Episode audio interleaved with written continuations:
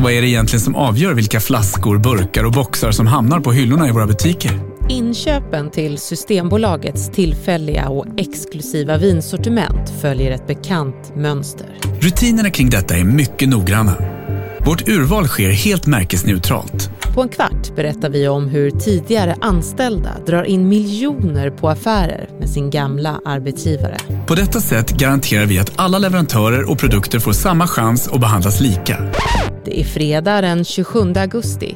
Jag heter Karin Bülow Orje och du lyssnar till Dagens Story från Svenska Dagbladet.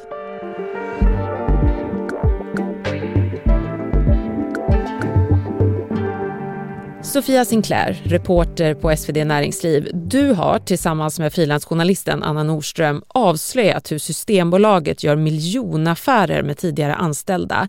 Berätta, vad är det specifikt ni har tittat närmare på?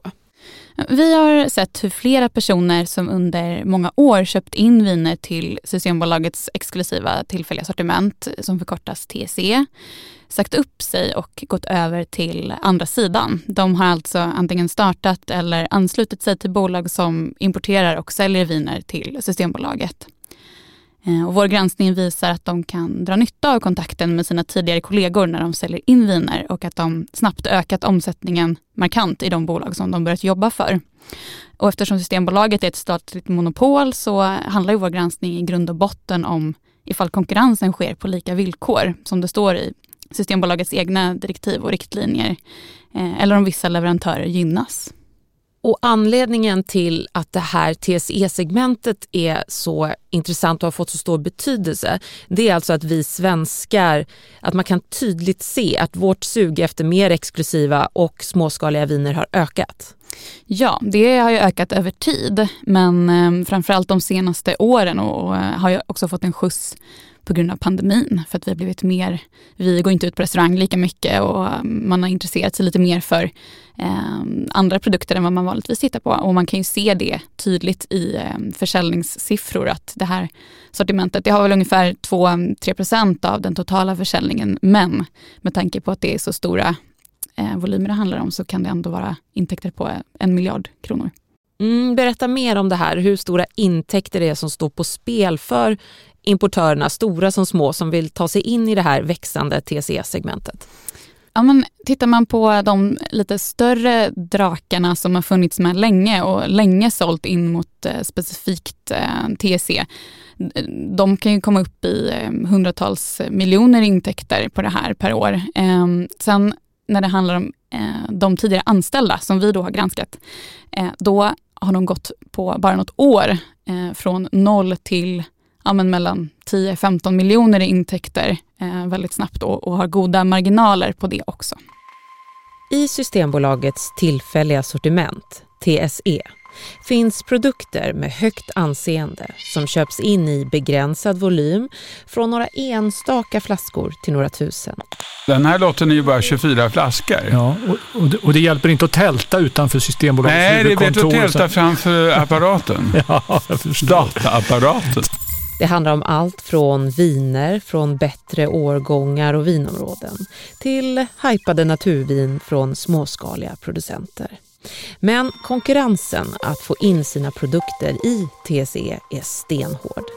Därför väcker det faktum att Systembolagets inköpare byter sida och framgångsrikt börjar sälja till sin tidigare arbetsgivare både frustration och irritation inom branschen.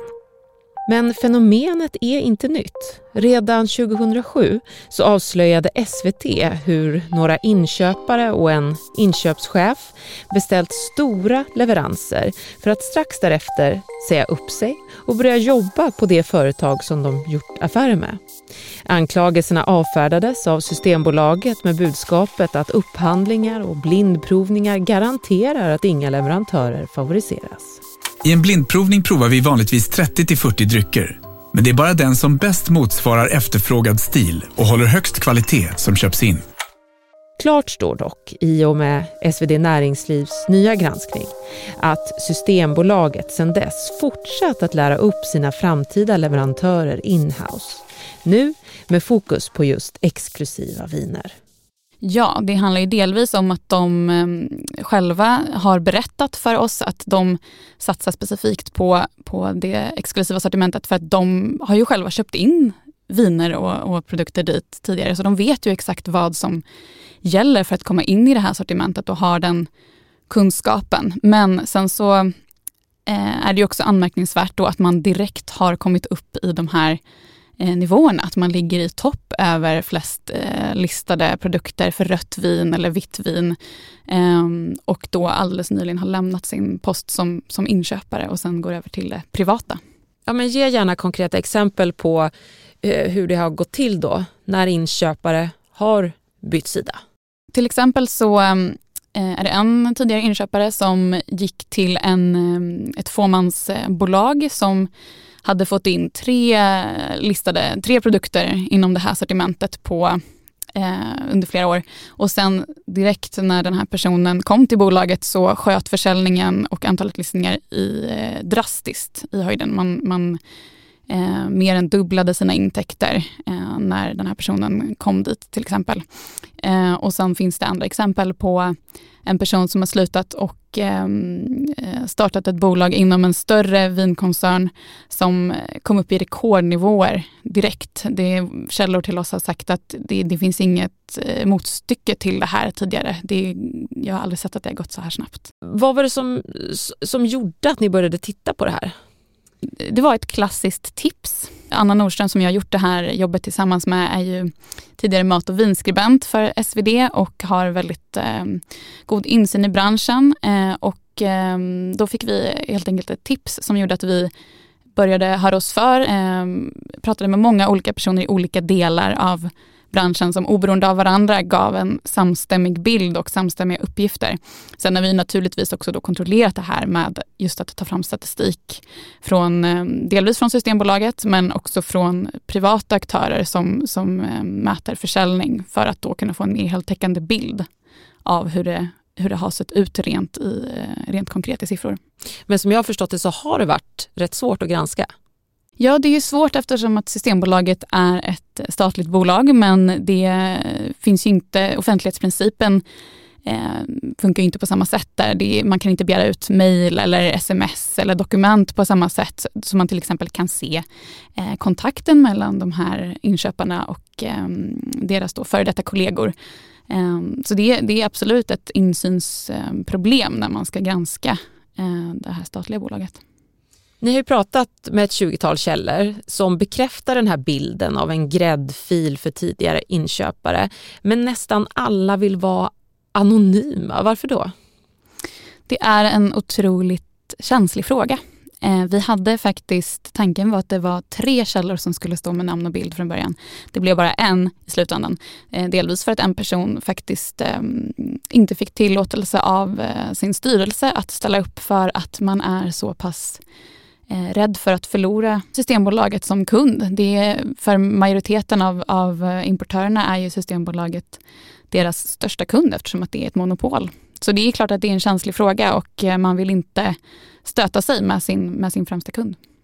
Ja, för det här monopolet, det ger ju Systembolaget en enorm makt över inköpen.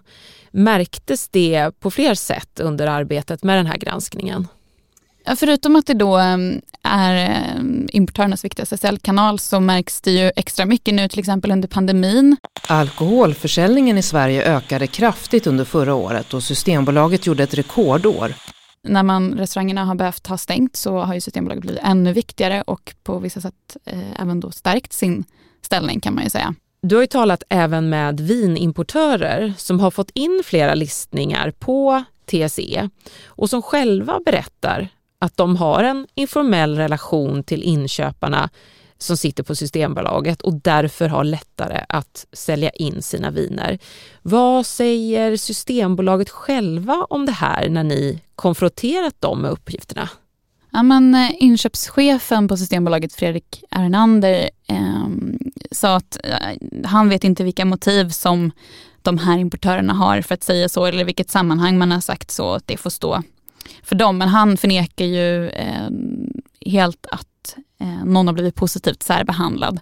Men eh, jag menar de här importörerna som, som vi har pratat om, de har ju ingenting att vinna på att själva säga att man har en informell relation och därför kan, kan sälja in produkter lättare. Så att det, ja, Systembolaget säger att det inte förekommer helt enkelt. Och när ni har granskat kontakterna med tidigare inköpare som nu då har bytt sida, vad är det för informella relationer det ska röra sig om? Om du beskriver lite. Men vi har upptäckt att man, eh, som ju många har med kollegor som slutar eh, och som man kanske har fått en mer privat relation med, att, att den har ju behållits även efter att personer har slutat på bolaget. Man, tittar man bara i sociala medier så ser man ju att eh, för detta eh, inköpare och nuvarande inköpare, man umgås och man går på varandras bröllop och man eh, går på middagar tillsammans och så. Så eh, det finns ju absolut eh, tecken på att man ju behåller den privata eh, relationen även efteråt. Och det gör ju många eh, inom vanliga jobb också. Men det är klart det är speciellt när det är en monopolställning som Systembolaget har. Till spritbolaget ränner jag och knackar på dess port SvD har begärt att få se mejl mellan nuvarande inköpare och deras tidigare kollegor, men nekas med hänvisning till att Systembolaget inte är en regelrätt myndighet. Insynen är begränsad. Anställdas mejl och sms förblir alltså en privat angelägenhet. Nej, detta var ju inte bra. I sociala medier ges dock en fingervisning om hur kontakterna kan gå till. SvD har tagit del av flera bilder där nuvarande inköpare festar och dricker årgångsviner tillsammans med sina tidigare arbetskamrater som numera jobbar som leverantörer på olika privata företag.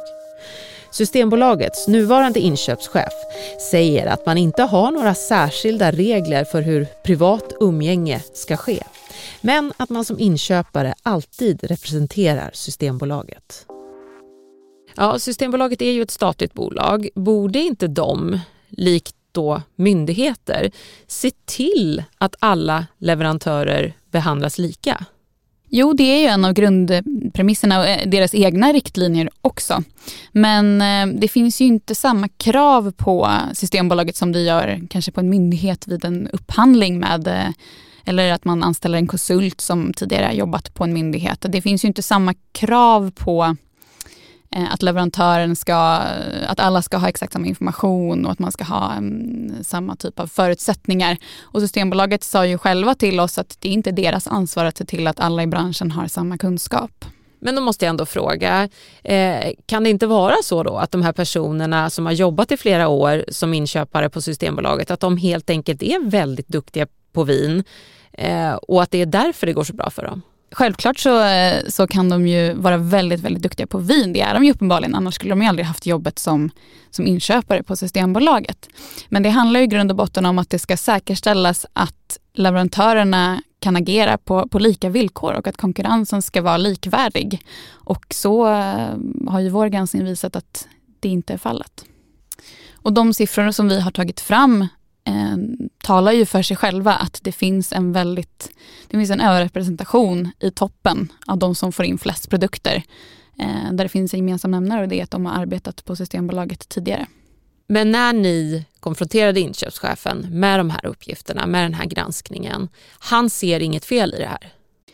Nej, han ser ju, han uppgav ju snarare att um, om uh, inköpare kan sälja in tillräckligt bra produkter som kunderna gillar så ser han ju det som någonting positivt för, för kunderna.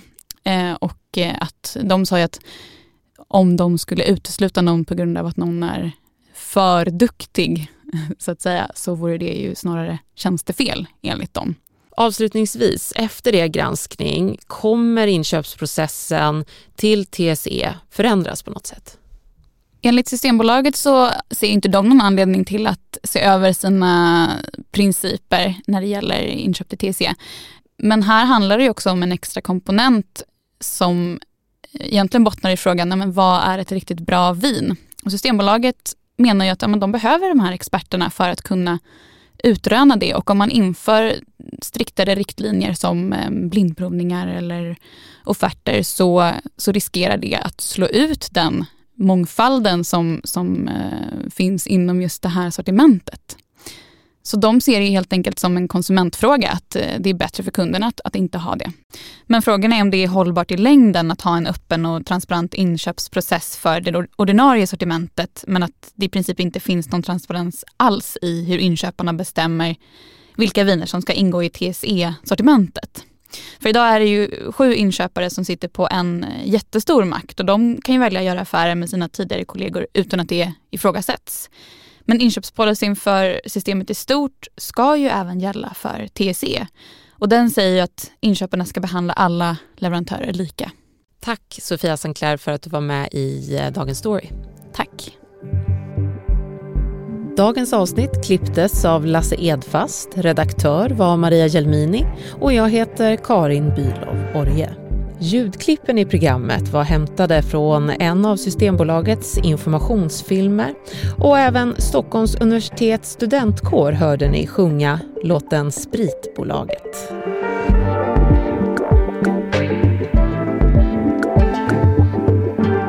Du har lyssnat på Dagens Story från Svenska Dagbladet. Och vill du kontakta oss så mejla till dagensstory.svd.se.